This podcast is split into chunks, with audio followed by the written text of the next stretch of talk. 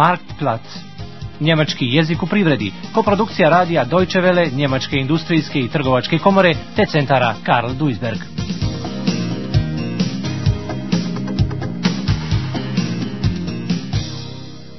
Dvadeset šesta lekcija.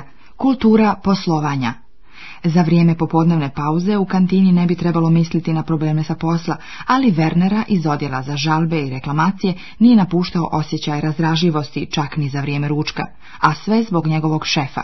On sam nema nikakvog kontakta sa kupcima i smatra da saradnici odjela ne nalaze način da uspostave veze sa ljudima.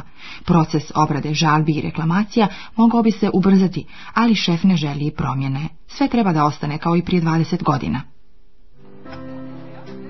Mahlzeit. Mahlzeit. Na, auch mal wieder da. Jo. Na, schmeckt das Essen so, wie es aussieht? Boah, geht so, geht so.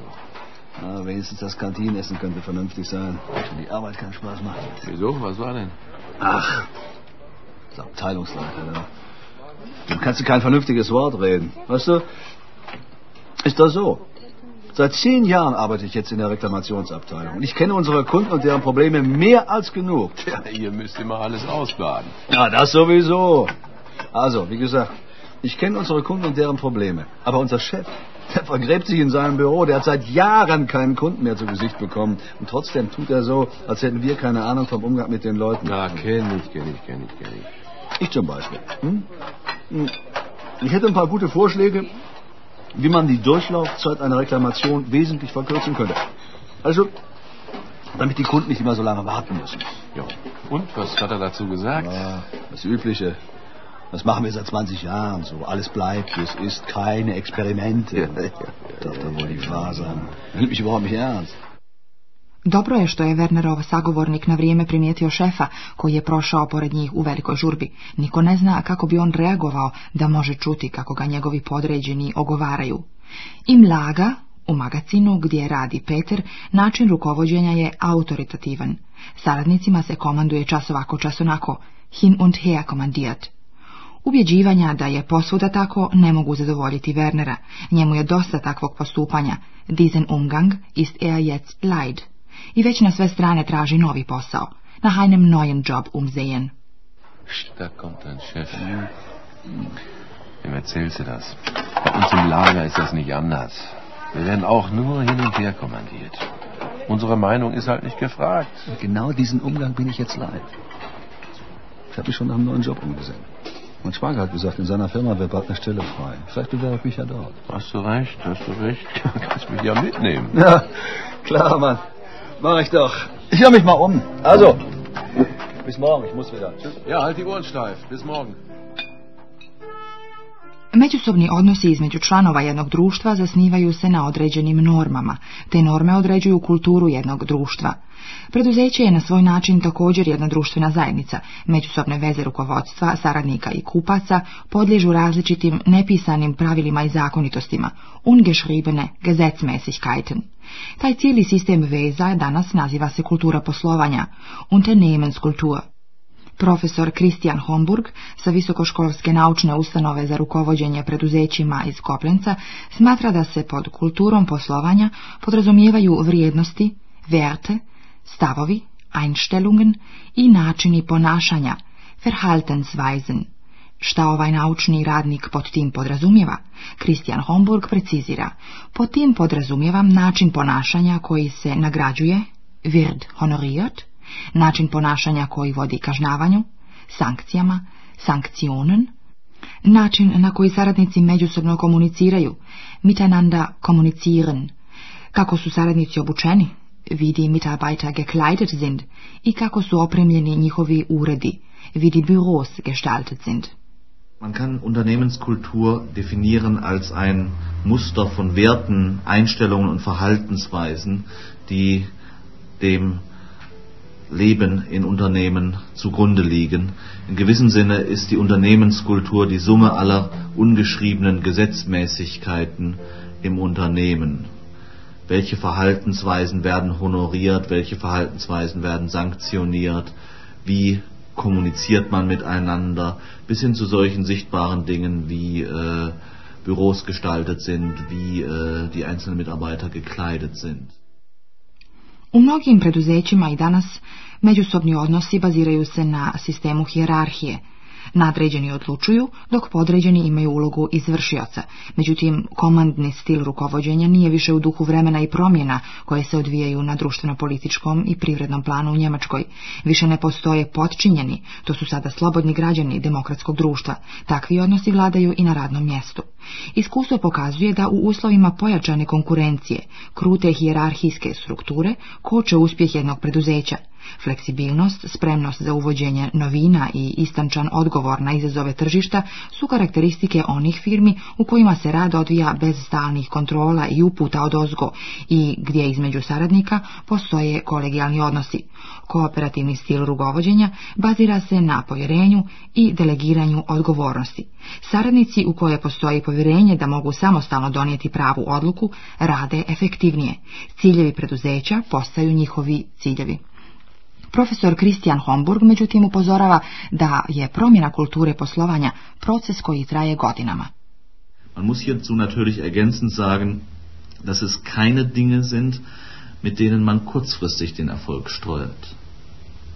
Denn äh, kurzfristig erfolgsfördernde Maßnahmen können oft mittelfristig Probleme mit sich bringen.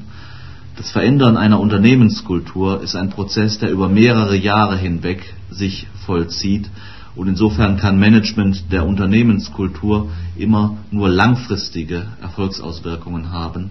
Unternehmen, die kurzfristige Probleme zu lösen haben, müssen auf operativere Instrumente zurückgreifen.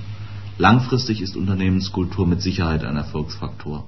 Dugoročno gledano, langfristig je kultura poduzetništva faktor uspjeha, erfolgsfaktor. tvrdi profesor Christian Homburg, pa ipak još se uvažava mišljenje da je u uvjetima rada kriznog menadžmenta neophodan autoritativni stil rukovođenja. Ovakav stav je zabluda. Firme sa oprobanom kulturom poslovanja bolje izlaze na kraj sa problemima. U 1995. godini jedna trećina ovakvih firmi povećala je broj radnih mjesta, dok su preostale dvije trećine ostvarile porast obrta. U takvim preduzećima zaposleni daju više prijedloga za poboljšavanje, a rijeđe se i razboljevaju. Naš poznanik Peter je na bolovanju krank geschrieben. Jedan kolega se posla preko telefona mu saopštava novosti. Održana je sjednica radnog kolektiva, Betriebsversammlung. Rukovođenje firmom, Geschäftsleitung, prepušta se šefovom sinu. Peter je iznenađen. Onom mladom, nadobudnom, sa dugom kosom, dizem jupi, mit den langen haaren, Kosu je do duše odrezao i sada cijelo preduzeće hoće da pretumba. Den ganzen Betrieb will er umkrempeln. Peter se pribojava da će saradnicima sa novim šefom biti još manje do smijeha, noch weniger zu lachen haben. Werneru, našem drugom poznaniku, se opet dopadaju planovi novog šefa i nova kultura poslovanja, Noje Unternehmenskultur. Na skupštini radnog kolektiva objašnjeno je da to znači redovno razmatranje problema sa saradnicima, otvaranje puteva za usavršavanje, Weiterbildung, klizno radno vrijeme, fleksible Arbeitszeiten i učešće u dobiti, Gewinnbeteiligung. Dann mach dich auf was gefasst, Ich war gestern auf der Betriebsversammlung. ja? Stell dir vor, der Sohn vom Boss soll die Geschäftsleitung übernehmen. Nee. Dieser Juppie, der mit den langen Haaren? Ja, genau der. Die Haare hat er sich übrigens abschneiden lassen. Du, der will den ganzen Betrieb umkrempeln, hat er gesagt. Na, Prost, Mahlzeit. Dann haben wir ja demnächst noch weniger zu lachen. Nee, nee, im Gegenteil. Das hört sich alles ganz gut an, was er da auf der Versammlung erzählt hat. Wieso? Er meint, das Unternehmen bräuchte, naja, wie hat er das genannt, äh, genau, eine neue Unternehmenskultur bräuchten wir. Unternehmenskultur? Das habe ich ja noch nie gehört. ich habe es auch erst nicht verstanden, aber er hat es dann erklärt. Also pass mal auf. Wie alle hat er gesagt, wir sollten mehr beteiligt werden. Hm. Zum Beispiel soll jede Abteilung Gruppen bilden, in denen dann jede Woche Probleme, organisatorisches und was so anliegt, was so besprochen werden kann. Und dann, dann sollen wir auch Vorschläge machen können, was unseren Arbeitsplatz betrifft. Oder wenn einer von uns eine Idee hat, wie der Arbeitsablauf besser klappen könnte. Ah, ja. Und Du, der neue Chef, der will die Weiterbildung fördern. Und wer Zusatzqualifikationen erwirbt, der bekommt auch mehr Gehalt. Und außerdem sollen flexible Arbeitszeiten eingeführt werden. Ah, das klingt ja gar nicht so verkehrt. Da könnte ich ja morgens die Kinder in die Schule bringen. Claudia wäre sicher froh. Und das ist noch nicht alles, so. Es soll außerdem eine Gewinnbeteiligung geben. Wir ja. alle können zu stillen mhm. Gesellschaftern der Firma werden. Ah ja, und wenn ein Problem auftritt, kann jeder Mitarbeiter jederzeit mit dem Chef sprechen. Mhm. Du, den Rest erzähle ich dir dann am Montag, beim Mittagessen, ja? Po pitanjima nove kulture poslovanja u Njemačkoj vodeća je firma Erko sa sjedištem u Lüdenscheidu. Od 1936. godine ova firma proizvodi sve moguće vrste osvjetljenja, od prostih stonih lampi do najveličanstvenijih i najekskluzivnijih lustera. Na listi poručilaca firme Erko nalaze se kako Louvre iz Paliza, tako i banke iz Hong Konga. Firma Erko je nosilac velikog broja nagrada za originalni dizajn svojih proizvoda. Sve je počelo krajem 60. godina kada je novopečeni upravnik Klaus Jürgen Mack izmislio novi slogan ili leitmotiv koji je glasio ne prodajemo lampe nego svjetlost. U skladu sa ovim motom uslijedila je posebna reorganizacija cijele firme. Tada se to još nije nazivalo kultura poslovanja, sjeća se Klaus Jürgen Mack. Ich glaube, dass wir gar nicht bewusst Unternehmenskultur eingeführt haben sondern wir haben uns in einer gewissen Form verhalten. Wir haben uns Zielsetzungen gehabt und zum Schluss haben uns Leute erzählt, das ist Unternehmenskultur. Ja, also vielleicht haben wir es uns selbst erfunden, ohne zu wissen, was wir da eigentlich taten. Za vrijeme gradnje novih poslovnih objekata, arhitekte su se svjesno potrudile da ih osmisle u skladu sa novom kulturom poslovanja.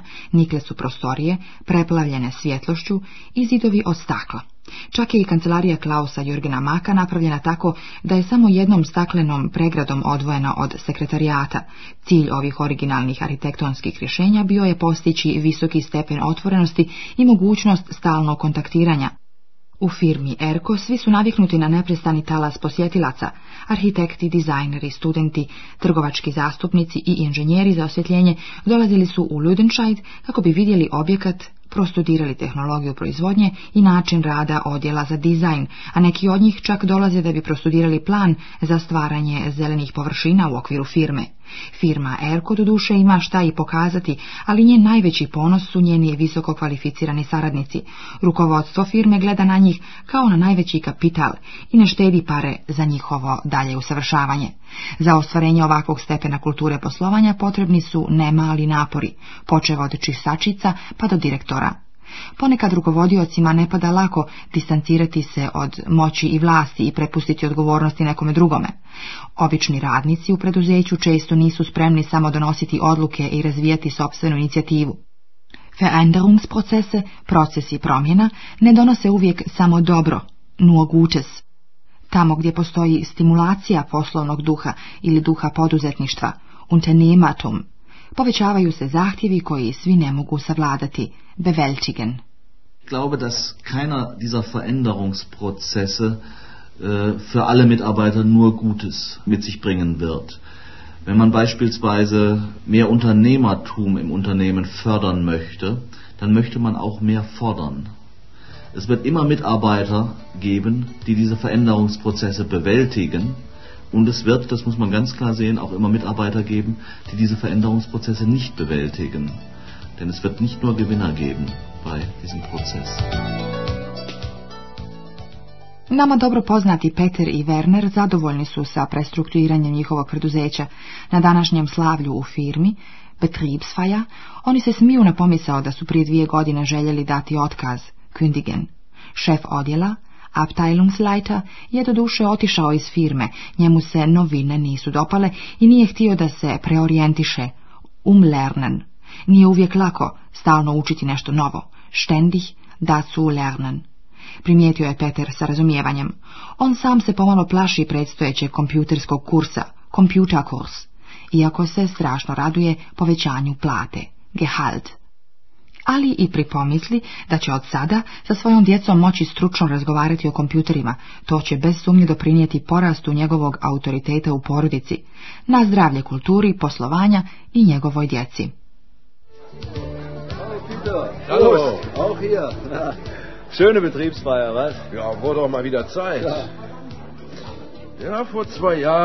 Schöne Kantine gesessen und gejammert.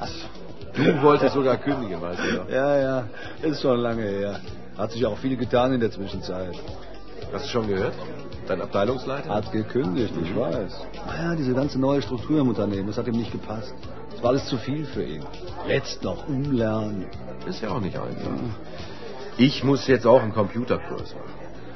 Weißt du, damit ich bei der Neuorganisation im Lager künftig mit dem Rechner arbeiten kann. Aha. Kosten übernimmt die Firma. Frei bekomme ich oh. dafür auch, ja, ja. Aber ich habe so ein Gerät noch nie angefasst. Bin mal gespannt, ob ich damit zurechtkomme. Wenn alles klappt, dann rutsche ich sogar eine Gehaltsstufe höher. Und außerdem kann ich dann endlich mit meinen Kindern mitreden, wenn die mal wieder über Bits und Bytes ah, philosophieren. das kannst du mir ja dann auch mal erklären. Ne? Klar. Du, wo du gerade dabei bist mit den Kindern. Du, die Sache mit den flexiblen Arbeitszeiten ist wirklich gut. Ich komme jetzt auch mal was früher nach Hause und die Kinder sehe ich dann viel öfter. Ja, das war doch richtig, dass wir nicht gekündigt haben. Meine ich auch.